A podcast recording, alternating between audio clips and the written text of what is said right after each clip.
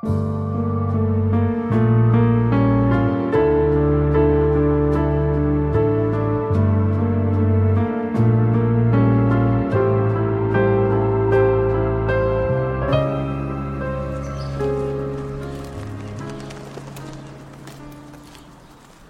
var på begynnelsen av 80-tallet. En stille vårkveld. Min venn Jon og jeg skulle lage et nærradioprogram om overnaturlige fenomener, og vandret nedover Hegdehaugsveien med båndopptakeren over skulderen. Vi svingte inn Oscarsgate og stanset litt nølende utenfor nummer 11. Murvillaen så ikke akkurat innbydende ut. Skittenrosa med murpussen hengende i flak fra karnappene lå den der, halvt gjemt bak et overgrodd hageanlegg. Vi smilte litt usikkert til hverandre, og så ringte vi på.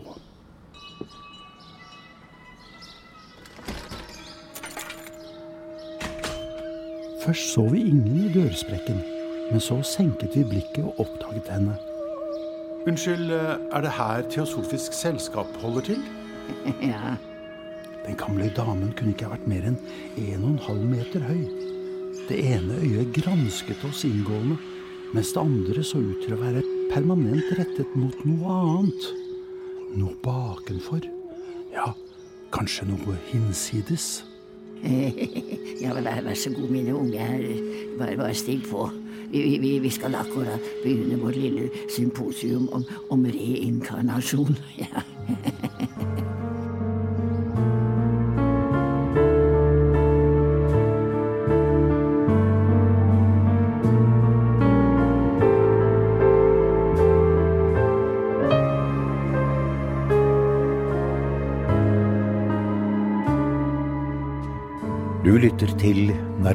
Tider. En serie om politikk, religion og kriminalitet i norsk førkrigstid. Uforsonlige klassekonflikter, intense troskamper, spektakulære forbrytelser og pompøse personligheter. Ja, Norge av i går kan for oss virke fremmed og eksotisk. Men er forskjellene fra i dag så store? Lever ikke vi også i nervøse tider? Slik var altså mitt møte med restene av den eiendommelige, mystiske og okkulte subkulturen som blomstret på vår hovedstads beste vestkant i tiårene etter eh, århundreskiftet. Eh, Men som du altså så sent som på 1980-tallet kunne støte på midt i Homansbyen. Dette prektige området rett bak Slottsparken, hvor både Asbjørn Krag og Knut Gribb hadde sitt tilhold. Ja, det er noe forlokkende mystisk ved disse strøkene. Det har jeg i hvert fall hatt på følelsen av siden jeg eh, leste Åndemasken. Eh, denne uhyggelige kriminalromanen til Stein Ståle. Ja, Åndemasken er en klassiker blant norske kriminalromaner. Den handler jo om en gjeng spiritister, åndemanere og okkultister som huserer på et litt falmet pensjonat i Homansbyen på 30-tallet. Jeg husker også godt eh, Radioteatrets gysende effektfulle oppsetning. Ja, og da er vi jo så heldige at vi har to medsammensvorne her som kjenner dette stoffet svært godt. Nemlig, for det var jo Nils Nordberg, vår forteller og instruktør, og Åsmund Feidje, vår komponist, som skapte Åndemasken om til radioteater i NRK i 1993. Ja, det er jo riktig eh, for så vidt å begynne med Sven Lange eh, når vi skal snakke om Åndemasken. Fordi at eh, det var Sven Langes forslag å gjøre den. Eh, Og eh, han hadde tidligere eh, dramatisert Sort messe og Jernvognen, som også var produksjoner som vi var med på, da, både Åsmund og jeg og gruppen Rain. Og det var litt snodig, da, fordi at da jeg lanserte forslag om dette, om å lage Åndemasken for daværende radioteatersjef Merete Skavlan, så sa hun nei, det skal vi ikke gjøre. Og så sa jeg hvorfor det, liksom. Sa nei, det var for eh, alvorlig til å lage kriminalhistorie på. Og Så sa jeg at eh, hvis du tenker på en bestemt sak som det er noen likhetstrekk med her, så er det jo veldig lite. da. Det er jo Høyden dreier det seg om en spådom eh, om eh, dødsfall som viser seg å gå i oppfyllelse. Men nei, det var ikke snakk om det. Så da hun hadde gitt seg, så sa jeg til Åsmund og Egon, eh, de to som var igjen av gruppen Rain, at nå skal vi gjøre Åndemasken. Eh, og det ble vel litt hva vi hadde håpa å få til, var det ikke det? Jo, altså Da jeg leste Åndemasken-boka, så syns jeg det, det var utrolig nifst, på en måte. Og jeg begynte jo nesten å tro at det var sant at disse tingene gikk an. Jeg, Ja, ja. jeg, han har skrevet det utrolig bra, altså. Stein Ståle. Eh, sånn at eh, jeg ble jo fysen av å lese boka. Det, det vi ikke fikk med, var jo eh, eh, disse heksebokoppskriftene som han krydrer hele boka med. Det, det savna jeg litt. Men det som vi da fikk isteden, var jo det som du kom med, som jeg syns ble en veldig bra løsning, og det er den rammefortellingen. Med krigen og med han som sitter på hytta og gjenforteller det som har skjedd, og han skal da møte sin elskede Celia igjen. Ja. Eh, og det, jeg syns eh, det er utrolig bra rammefortelling som, som gir veldig mye ekstra til historien. Ja, et slags tilbakeblikk på det hele. Ja, Eh. Pluss det er jo en kjærlighetshistorie midt oppi det hele. Eh, hun unge Celia Jarell, som han eh, hovedpersonen treffer på pensjonatet, og som han forelsker seg dypt i. Og når den eh, opprinnelige historien er over, så følte jeg at jeg var ikke helt klar for en hva skal vi si, en kulminasjon av den kjærlighetshistorien, så måtte la det gå fire år. Nei, det funker veldig bra, syns jeg. Ja. Men musikken funker jo da desto bedre også. Ja, vi, nei, vi, vi begynte jo litt med det at faktisk Celia satt og spilte piano da i dette gotiske huset som de holdt til i. Ja. eh, Disse studentene og damene. Eh, Så derfor, og det hørte vi liksom gjennom veggen, så jeg tok tak i, i den ideen om en pianovals. Men som vi brøt opp og lot være bare pling-pling i den eh, skumlere delen av klangene, da. Og så diskuterte vi jo hva er overnaturlig og åndelig skummel musikk. Det, det vet man jo ikke. Man må bare prøve og se om man finner noe som, som man syns eh, er uhyggelig.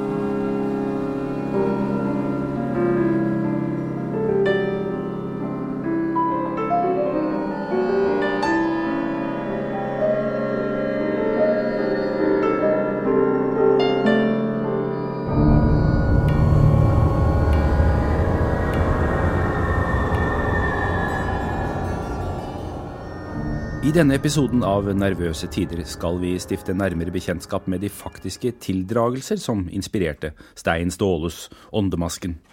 Vi skal med andre ord eh, rulle opp noe av den litt mørke og mystiske moderne åndshistorie. Og vi skal se hvordan eh, fenomener som vi kanskje trodde for lengst var endt i historiens søppelkasse, fortsatt lever i beste velgående.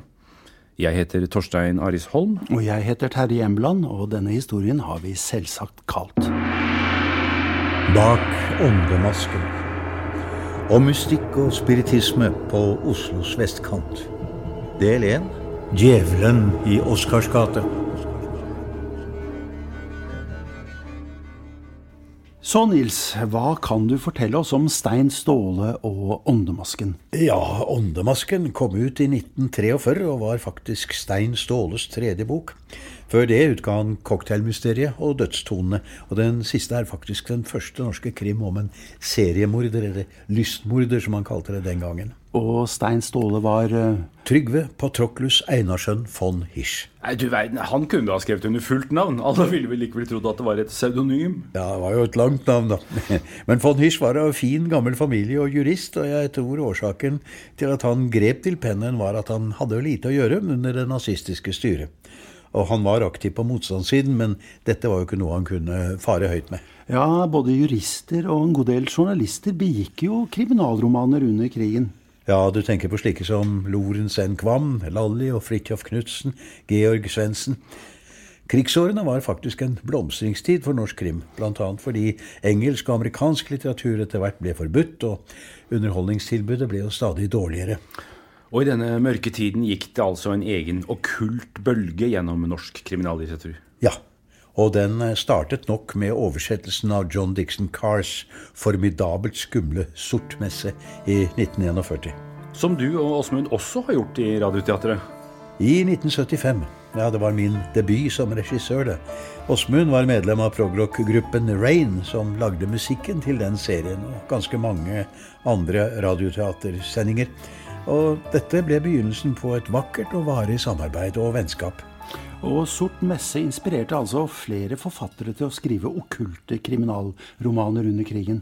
Ja, Sort messe gjorde et utslettelig inntrykk på bl.a. André Bjerke, alias Bernhard Borge, som kom i 1942 med De dødes tjern. I 1943 kom De døde lever av Lalli og Fridtjof Knutsen, og altså Åndemasken av Trygve Hirsch. Det ble skapt en tradisjon som også varte en stund etter krigen. Hos Hirsch er også inspirasjonen fra Cars Sort messe tydelig. Ja da, faktisk like til de bøkene som romanens personer konsulterer for å sette seg inn i alt det mystiske og okkulte de støter på. Ta en titt på denne. Mm, Strange Cults and Secret Societies in Modern London av Elliot O'Donnell fra 1935. Denne merkelige boken henviser både Carr og Hirsch til i sine romaner. Den beskriver en rekke bisarre og hemmelige kulter som visstnok eksisterte i London på 30-tallet. Antagelig fantes de fleste av dem bare i forfatterens fantasi, som eksempel en hemmelig klubb for eh, kvinnelige vampyrer. Men eh, likevel ble boken en bestselger. Det ble for øvrig også Åndemasken. Den solgte hele 55 000 eksemplarer, og er jo blitt en norsk krimklassiker. Ja, Men, men denne tittelen, Åndemasken, hva, hva henspiller den på? Hør litt på dette. Taustump rundt ankelen. Det har vært festet til et eller annet tungt, antagelig. Men det merkelige er jo dette her. Det hun har foran ansiktet. Ja, Konstaver nevnte det. En slags uh, maske. Hun dekker hele fjeset. Ser ut som et lommetørkle. Ja, de sikter til blondene. Ikke noe monogram, dessverre. Og festa med to bånd. Nå har de en eh, saks, doktor. Jeg vil ikke ødelegge knutene. Ja, her. Jeg skal gjøre det.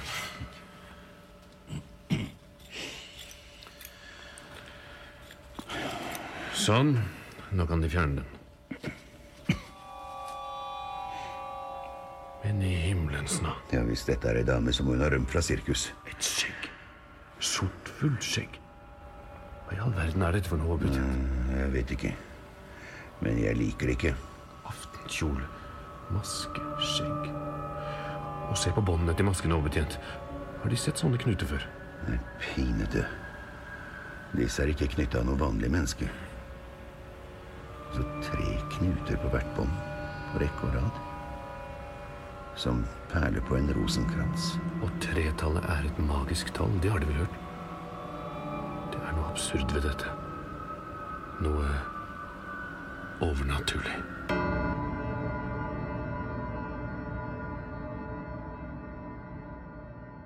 En eh, åndemaske er en maske som blir bundet foran ansiktet med helt spesielle knuter for å hindre sjelen i å forlate det døde legemet. Sjelen vil da aldri få ro, men hevne seg på de levende. Og denne forestillingen tilfører jo kriminalromanen Åndemasken en ekstra dimensjon av okkult uhygge. En følelse av at vi ikke er helt trygge for usynlige, onde krefter. Nettopp. Livet er mer fantastisk enn hva noen kriminalforfatter kan pønske ut. Det skrev Hish i et etterord til Åndemasken. Eh, Det kan jo tolkes som man hentet inspirasjon fra hendelser i sin egen samtid. Ja, okkultismen eh, blomstret jo også i mellomkrigstiden. Vi kan eh, høre en beskrivelse av den åndelige tilstand på Oslo West End fra 1933, hentet fra en rapport til Oslo-biskopen fra presten i Frogner menighet. Her på Frogner har man ikke lett for å bøye seg for kirkens læreautoritet.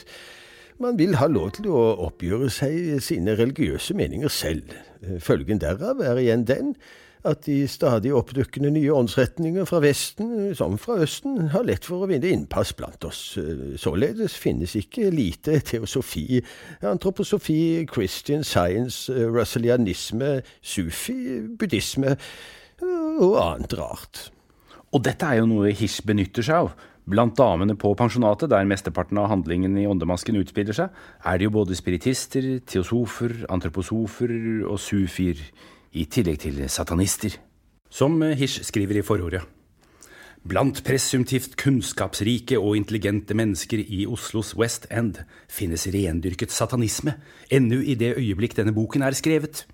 I dette miljøet av åndelig tussmørke, hvor okkultismen blomstrer bak en kvasivitenskapelig og halvreligiøs maske, der gror også forbrytelser og lysskye handlinger frodig, som giftige sopper. Og når han skriver det, kan vi vel godt med god samvittighet bruke åndemasken som en guide til dette miljøet? Jo. Noe han eh, særlig hentet inspirasjon fra, var det som faktisk foregikk i en ungdomsgjeng i disse strøkene. Hvem var det? Ja, Da bør vi forlate studio og ta oss en tur til Oslos mørkeste West End. Å, Åsmund! Masse skummel musikk her nå.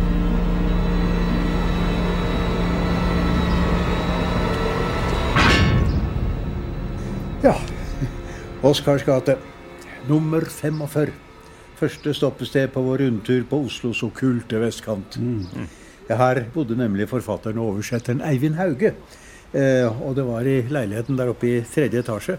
Der oppe, ja. Der, bak de vinduene der oppe? De vinduene Ja. der, ja. Der skjedde altså de hendelser som Hysj sikter til.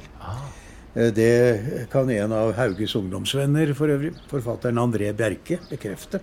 Han tilhørte jo selv dette miljøet av åndelig tussmørke, som han skrev. Men eh, denne interessen for det okkulte var jo ikke bare en slags ungdomssynd for Bjerke. Han forble jo gjennom hele livet antroposof. Og Ja, ja. antroposofien er er jo en okkult retning som sprang ut av både spiritismen og teosofien. Ja, og sammen med NRK-mannen Harald Tusberg slo han på begynnelsen av 1970-tallet også et slag for parapsykologi, ufo-tro og all slags spiritistisk åndemaner i, en fjernsynsserie som het I grenseland. Som for øvrig ble umåtelig populær, men også mye diskutert. Hirsch omtalte det som foregikk i Bjerkes vennegjeng på 30-tallet som rendyrket satanisme. Var det altså her eh, oppe i Oscars gate at djevelen i egen høye person dukket opp? Vel, eh, satanismen ytret seg vel mest som smådjevler i samtalene, hevdet Bjerke senere. Men det skal likevel ha funnet sted uhyggelige ting, innrømmer han. Eivind omtalte med ærefrykt sin danske svigermor som innviet teosof og erfaren trollkvinne. Av henne hadde han lært å fremmane djevelen, en åndedrettsøvelse jeg skal avholde meg fra å beskrive her. Riktignok kan jeg ikke erindre at forbrytelser grodde som giftige sopper der nede hos Eivind, men det fant sted en og annen sort seanse i nattetimene, efter svigermors pustemetode. En av Eivinds forsøkspersoner, en kjent Oslo-advokat, ble plutselig selvlysende. Efter en halvtimes iherdig inn- og utånding begynte advokaten å lyse grønt, og forsøkslederen hadde svare strev med å slukke ham igjen. Frøken Karsten, si meg. De er jo antroposof. Og de, fru Skjold Christensen, de er teosof. Ja, det Hva er egentlig forskjellen? Ja, men Den antroposofiske bevegelse er utgått fra den teosofiske og grunnlagt av Rudolf Steiner. Og vi legger betydelig vekt på Det er bare én anerkjent orden. som- Østens stjerne. Under vår profet Jiddu Krishnamurti. Steiners tilhenger er å bli dissenter. Vi i Sufi-ordenen tycker at ni strider for mye om formaliteter. Det kan vi ikke mene, frøken Arfeldt. Vi springer ut fra islam, men vi fortolker ikke Koranen juridisk. Vi har løsrivet oss fra dogmer. Den sanna fromheten består ikke i iakttagande av ritualer, men i den altomspennende kjærligheten mm. og den mystiske gemenskapen med den store gudomligheten. Antroposofi, teosofi, sufitro og rendyrket heksekunst. Fruen i pensjonatet i Åndemasken tror på ganske mange merkelige ting. Men det som forener dem, er de spiritistiske seansene. Så kommunikasjon med de døde eh, bør være den gjennomgående tråden i vår fortelling. Akkurat, og da må vi flytte oss over Atlanteren og hele 175 år tilbake i tid, eh, til øyeblikket da den moderne spiritismen ble født. Det er en kald og vindfull desemberkveld i 1848 i den lille byen Hydesville i delstaten New York. Baptistprest John Fox, hans kone og deres to yngste døtre har nettopp flyttet til byen og sitter samlet i stuen i sitt nye hjem. Det ber vi deg i din Sønn Jesu Kristi navn. Amen. Amen. Så Kate og Maggie, nå er det til sengs med dere. Ja, far. God natt, da, barn. God natt. God natt, barn. Du kommer vel og brer om å sette på, mamma? Ja, det kan du da skjønne, Kate. Så, opp med dere. Så skal jeg Men hva i all verden er det, John? Er det noen ved døren? Ja, nå Det er sikkert bare vinduslemmene som slår litt i vinden. Ja, jeg skal gå ut og, og feste. Nei, det kommer fra et annet sted. Ja, fra veggen. Det er ikke løse vinduslemmer. De neste dagene prøver pastor Fox forgjeves å finne årsaken til de mystiske lydene som fortsetter å hjemsøke huset. Så, en kveld, etter at familien har gått til sengs, Mamma, mamma, nå er de her igjen. Kjære barn. Hører du, mamma? De svarer deg. Ja, hører du? Nei da, barn. Dere kan da skjønne at det ikke Hei, gjør som meg. Det var da merkelig. Eh, du, hvem du nå er, kan du telle til ti?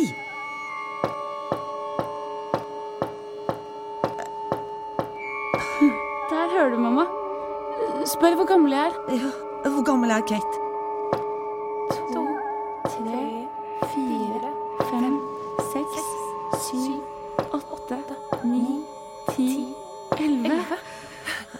Og Maggie? Én, to, tre, fire, fem, seks, syv, åtte, ni, ti, elleve, tolv, tretten, fjorten. Jeg er 14. Det visste de. Hva mener du med de? Nei, det må jo være en av naboene som driver gjøn med oss.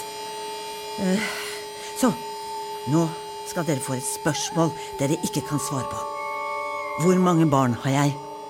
En, to, tre, fire, fem, seks, syv.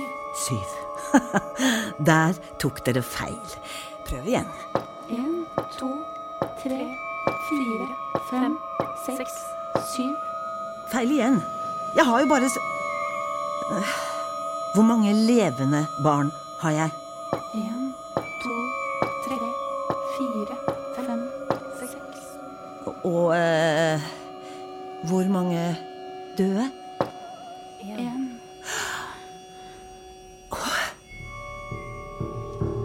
Senere flytter søstrene Fox til Rochester, og de mystiske bankelydene følger med dem. De blir tolket som morsesignaler fra de døde, og fenomenet vekker voldsom interesse blant byens befolkning. Snart står også en rekke andre personer frem som åndenes telegrafstasjoner. Slik blir spiritismen til. Mennesker har riktignok også tidligere hevdet å stå i forbindelse med de døde. Men at spiritismen nå får en formidabel suksess, skyldes det spesielle åndelige klima som hersker i staten New York, hvor Rochester ligger. Området blir kalt The Burned Over District, fordi det er preget av febril religiøs, sosial og politisk aktivitet. Her oppstår antislaveribevegelsen, kvinnesaksbevegelsen og avholdsbevegelsen men også nye religiøse retninger som mormonismen og dommedagsbevegelsen millerittene, forløperen for syvendedagsadventistene. Merkelig blanding dette her, av eh, sosial reformvilje og, og religiøs henrykkelse. Hvordan føyde spiritismen seg inn i dette?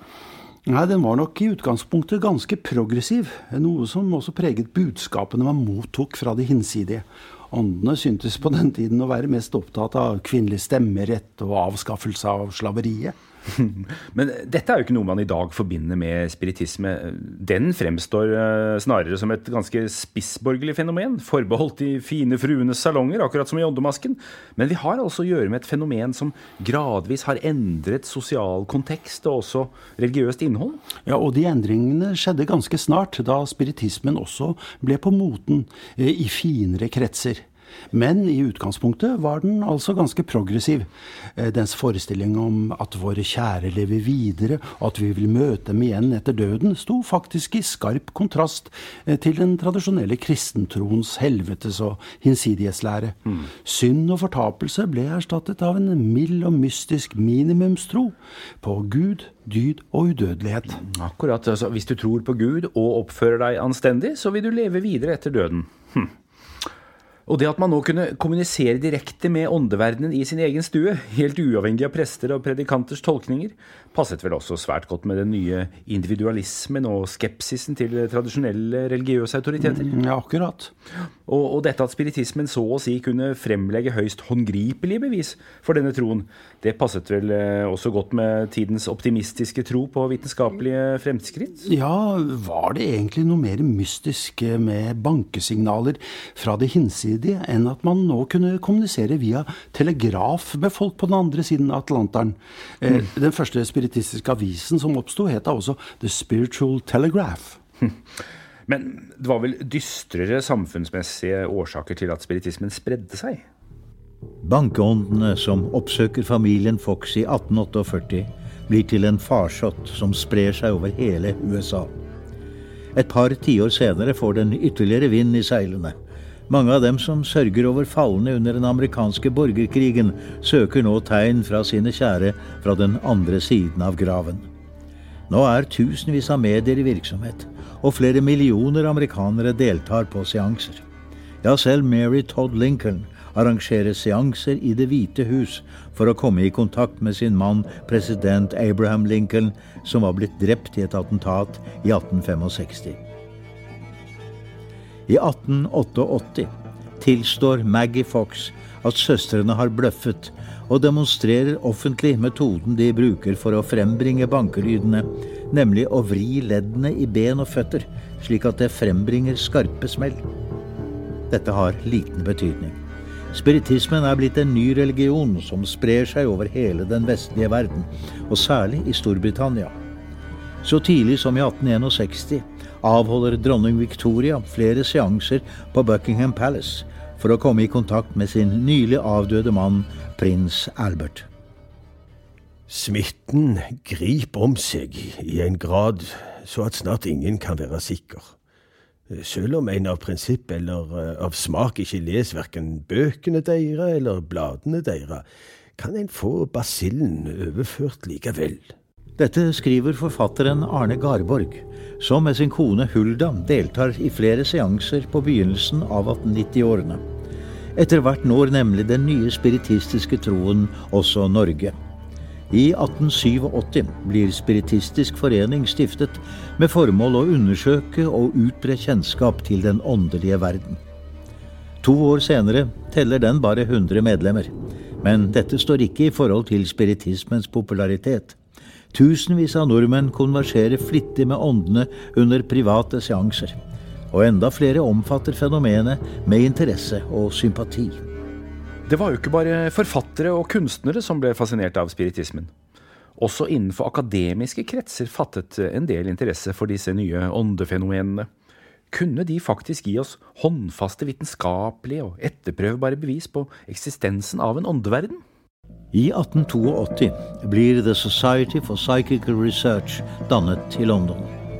Selv skryter de av å være den første forening som citat, utfører systematisk vitenskapelig utforskning av menneskelige erfaringer som utfordrer moderne vitenskapelige modeller. Sitat slutt. I oktober 1917 blir så Norsk selskap for psykisk forskning stiftet i Kristiania, med professor i statsøkonomi Oskar Jæger som formann. Blant de 300 andre medlemmene er det også en del akademikere. Men i den øvrige ledelsen finner vi, som i England, mest troende spiritister. Og særlig kvinner. Det ser jo ut til at spiritismen i Norge får en oppblomstring etter århundreskiftet med en gjeng med ganske så markante damer. Hvem var dette? Det var jo et litt større miljø med interesse for spiritisme og parapsykologi. Men de to mest framtredende var jo Elle Anker og Ragna Nilsen. Og det var jo damer med borgerlig bakgrunn. De var yrkesaktive, De var kvinnesakskvinner. Og så var de blant de mest synlige aktive kvinnene i norsk samfunnsdebatt. Det forteller idéhistoriker Tonje Meren, som har forsket på parapsykologiens og spiritismens historie i Norge. Ragna Nilsen hun hadde startet sin egen eh, skole, den første fellesskole i Norge. Og første gymnas med kvinnelige lærere. Og det var ting som var uhørt på denne tiden. Ella Anker hun er litt yngre enn Ragna Nilsen, var blant hennes første elever. Hun kom fra et sånt liberalt, grundtvikiansk hjem. Eh, og det var en kristentro som hun beholdt eh, hele livet. Hva var det ved spiritismen som virket tiltrekkende på disse kvinnene? Eh, spiritisme er jo en antiautoritær, kan man si, dogmefri, religiøs bevegelse.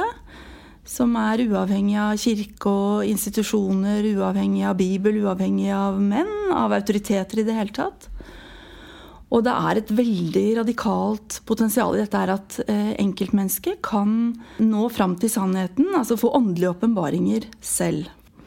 Og så er jo spiritismen også en ideologi som framstiller eh, virkeligheten på den andre siden som et sånn idealsamfunn hvor det er fred og frihet og likhet. Og dette appellerer jo mm, veldig til, eh, til disse kvinnene.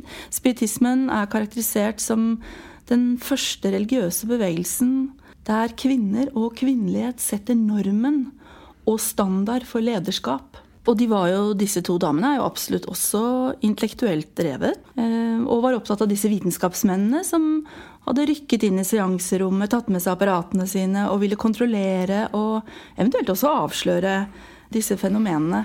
Denne blandingen av religion og vitenskap eh, appellerer til disse damene spiritisme og parapsykologi er på parti med tiden. Da? En sånn moderne vitenskapelig søken etter det åndelige. Samtidig så er det også at man prøver å redde en slags minimumsreligion med Gud, dyd og udødelighet. Utvilsomt. For det er jo noe av den religiøse kjernen som spiritismen holder fast på. Um, man holder fast på at sjelen er udødelig, og at mennesket har et, et evig liv. Og skal over på den andre siden, og at uh, der er det en utvikling mot høyere former hele tiden. er dette evolusjonsbudskapet fra den vitenskapelige verden som, uh, som de har tatt med seg. Ragna Nilsen hun ble jo da overbevist spiritist før hun hadde deltatt på noen seanser overhodet? Ja, altså Først så var hun jo opptatt av psykisk forskning eller parapsykologi. Hun holdt til med foredrag om det. Men det er først litt senere at hun virkelig går over i en mer sånn religiøs variant, hvor hun tenker at spiritismen er en ny åpenbaring av den kristne lære. Hun får jo en åpenbaring, eh, en stemme som forteller henne at hun er utvalgt. Så hun skal føre, være med å føre verden inn i en ny periode. Hvor man skal gi materialismen på å bekjempe materialismen og tre inn i en ny åndens sfære. Ragna Nilsen. Henne gir faktisk Hirsch et lite nikk til i Åndemasken. At romanens ordentlige heks heter Fru Ullmann, er ikke tilfeldig. Ragna Nilsen var nemlig født Ullmann, og søster av den kjente pedagogen og venstrepolitikeren Viggo Ullmann. Først syntes jeg det var ubehagelig for meg og usmakelig for åndene å fremlegge dette offentlig. Men så erkjente jeg at Gud har gitt meg en særegen misjon. Å si sannheten om disse ting. Og den som har fått en særlig misjon, har bare ærlig, ydmykt og likefrem å utføre den. Ragna Nilsen var blitt overbevist ved å lese spiritistiske bøker. Hennes personlige møte med de avdødes ånder skjedde først i august 1912. Og det foregikk akkurat her, i St. Olavs gate 27. Her lå nemlig St. Olavs hotell, hvor seansene med det amerikanske mediet Etta Ritt fant sted. I et hotellrom der oppe i annen etasje til venstre. I all verden. Terje, hva, hva, er det med deg? Altså, Du virker jo ja, helt satt ut her. Nei, det tør sies, for dette er jo mitt gamle kontor da jeg arbeidet i Human-Etisk Forbund. Og du hørte ingen uh, mystiske bankelyder i skrivebordsbenet der? Nei, det, det, det kan jeg ikke si at jeg la merke til, eh, men tenke seg til. Akkurat her i Humanismens hus satt professor Asbjørn Dyrendal og jeg for 30 år siden og la planer eh, for foreningens Skepsis til undersøkelse av påstått overnaturlige fenomener. Temmelig ironisk, vil jeg si. Ja. Humanismens hus, ja. Vel, etter seansen i 1912 fikk dette huset et ganske annet navn, nemlig Spøkelseshotellet.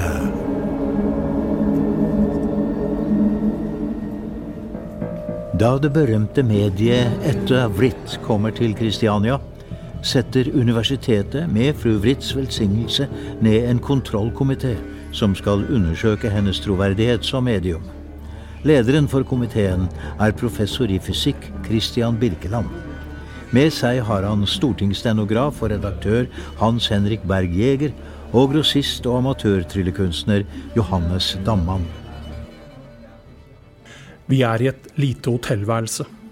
Foran vinduene henger mørke tepper, så ingen lysstråle kan trenge inn. Foruten oss fra den vitenskapelige kontrollkomiteen og mediet fru Etta Vritt, er andre fruene Ella Anker og Ragna Nilsen til stede. La oss sette oss, dere. Ja, og så griper vi hverandres hender. Slik, ja.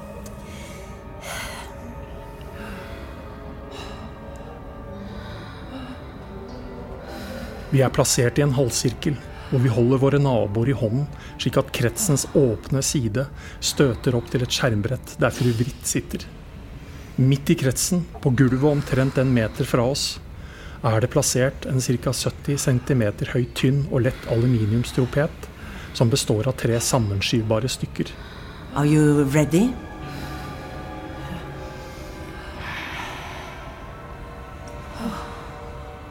Yes, I think so. Please observe absolute silence.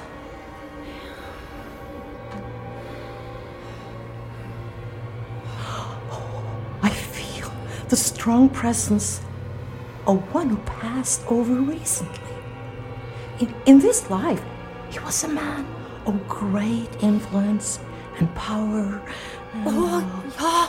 Det må være Viggo, min bror. Han gikk over for to år siden. He wants to get in contact with you. To reassure? Yes, yes. To tell you not to fear. Not to fear. Først forteller fru Ritt oss om ånder som hun angivelig ser i vår krets. Det kan bemerkes at de blir beskrevet på en ganske overfladisk, lite karakteristisk og tilsynelatende forsiktig måte. Under seansen hender det altså intet nevneverdig, før plutselig Please, Mrs. Ritt. It's my brother, Viggo Ullmann. Please, let him come through. Viggo, if you are here, please give us a sign. Trompeten! Trompeten! Hørte dere? Han er, han er her. Viggo! Berg Jeger, tenn lyset straks. Ja vel. Og den trompeten tar jeg. Nei, professor, slik kan vi da ikke gjøre. Akkurat. Her lukter det grangivelig eksplosjonsgass, ikke sant, Berg Jeger? Jo, som en umiskjennelig gasslukt. Hva sier De, Damman? Dette er da mistenkelig. Jo, denne her må undersøkes nærmere. Mr. Damman, give me the trumpet now. Å nei, denne skal straks til Smelks laboratorium for undersøkelse. Vi i pressen hadde vel trodd at efter det som skjedde under fru Reeds seanse i går, så ville det ikke holdes noen i dag. Men allerede i hotellets forstue møter vi en mengde mennesker på vei oppover trappene. En eldre, opprømt dame forteller meg at det koster ti kroner å delta. En sum hun gjerne betaler for å få tale med sin avdøde ektemann. Og nå kommer fru Ella Anker ned trappen. Fruens bløte, blå øyne har et drag av smerte, kanskje irritasjon.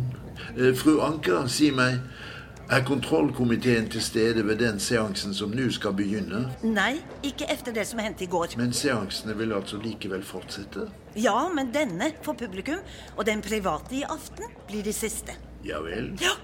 Her i landet er fru Wright blitt møtt med så megen mistenksomhet og uvennlighet at hun har bestemt seg for å reise med Københavnertoget i morgen tidlig.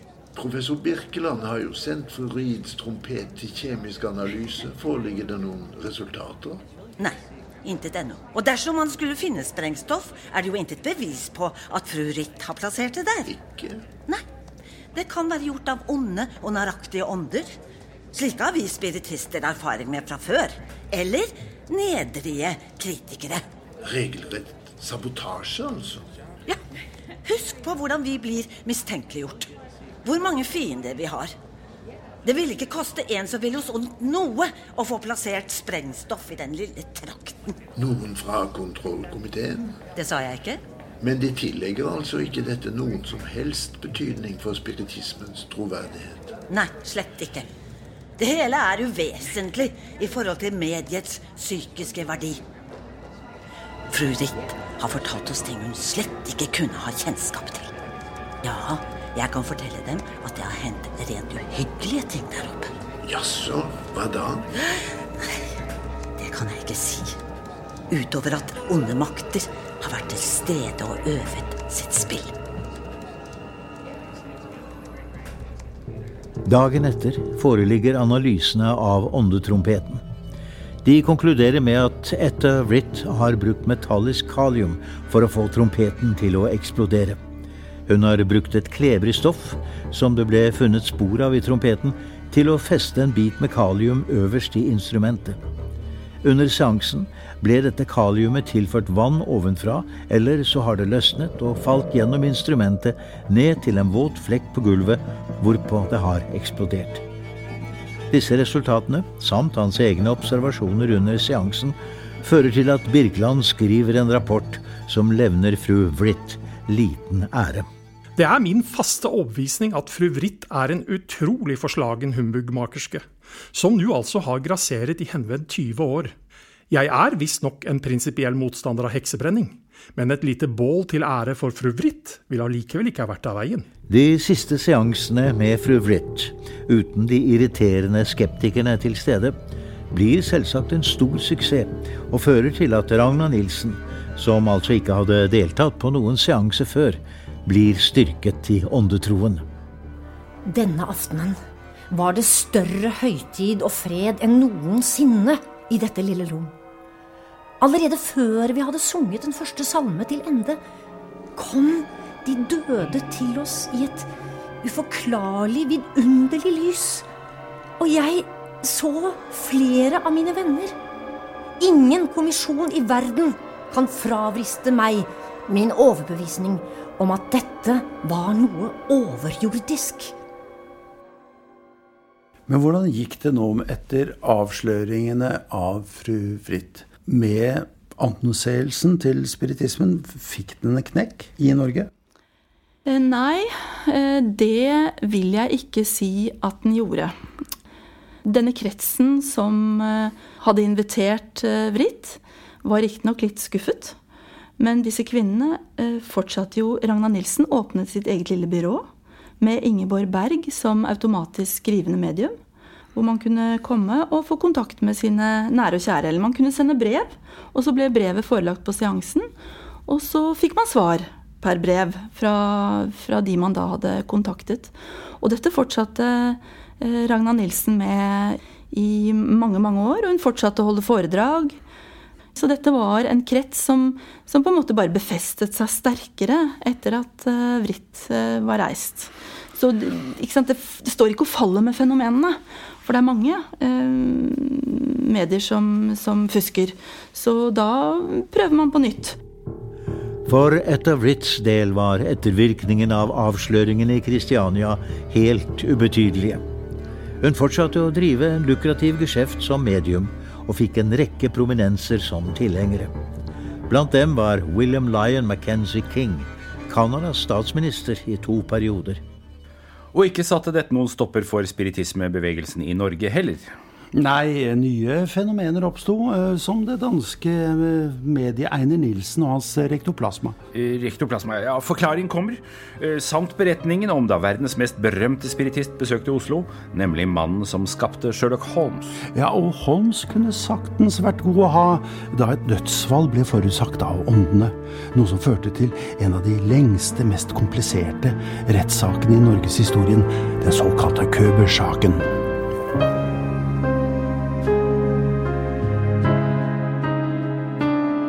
Du har lyttet til Nervøse tider.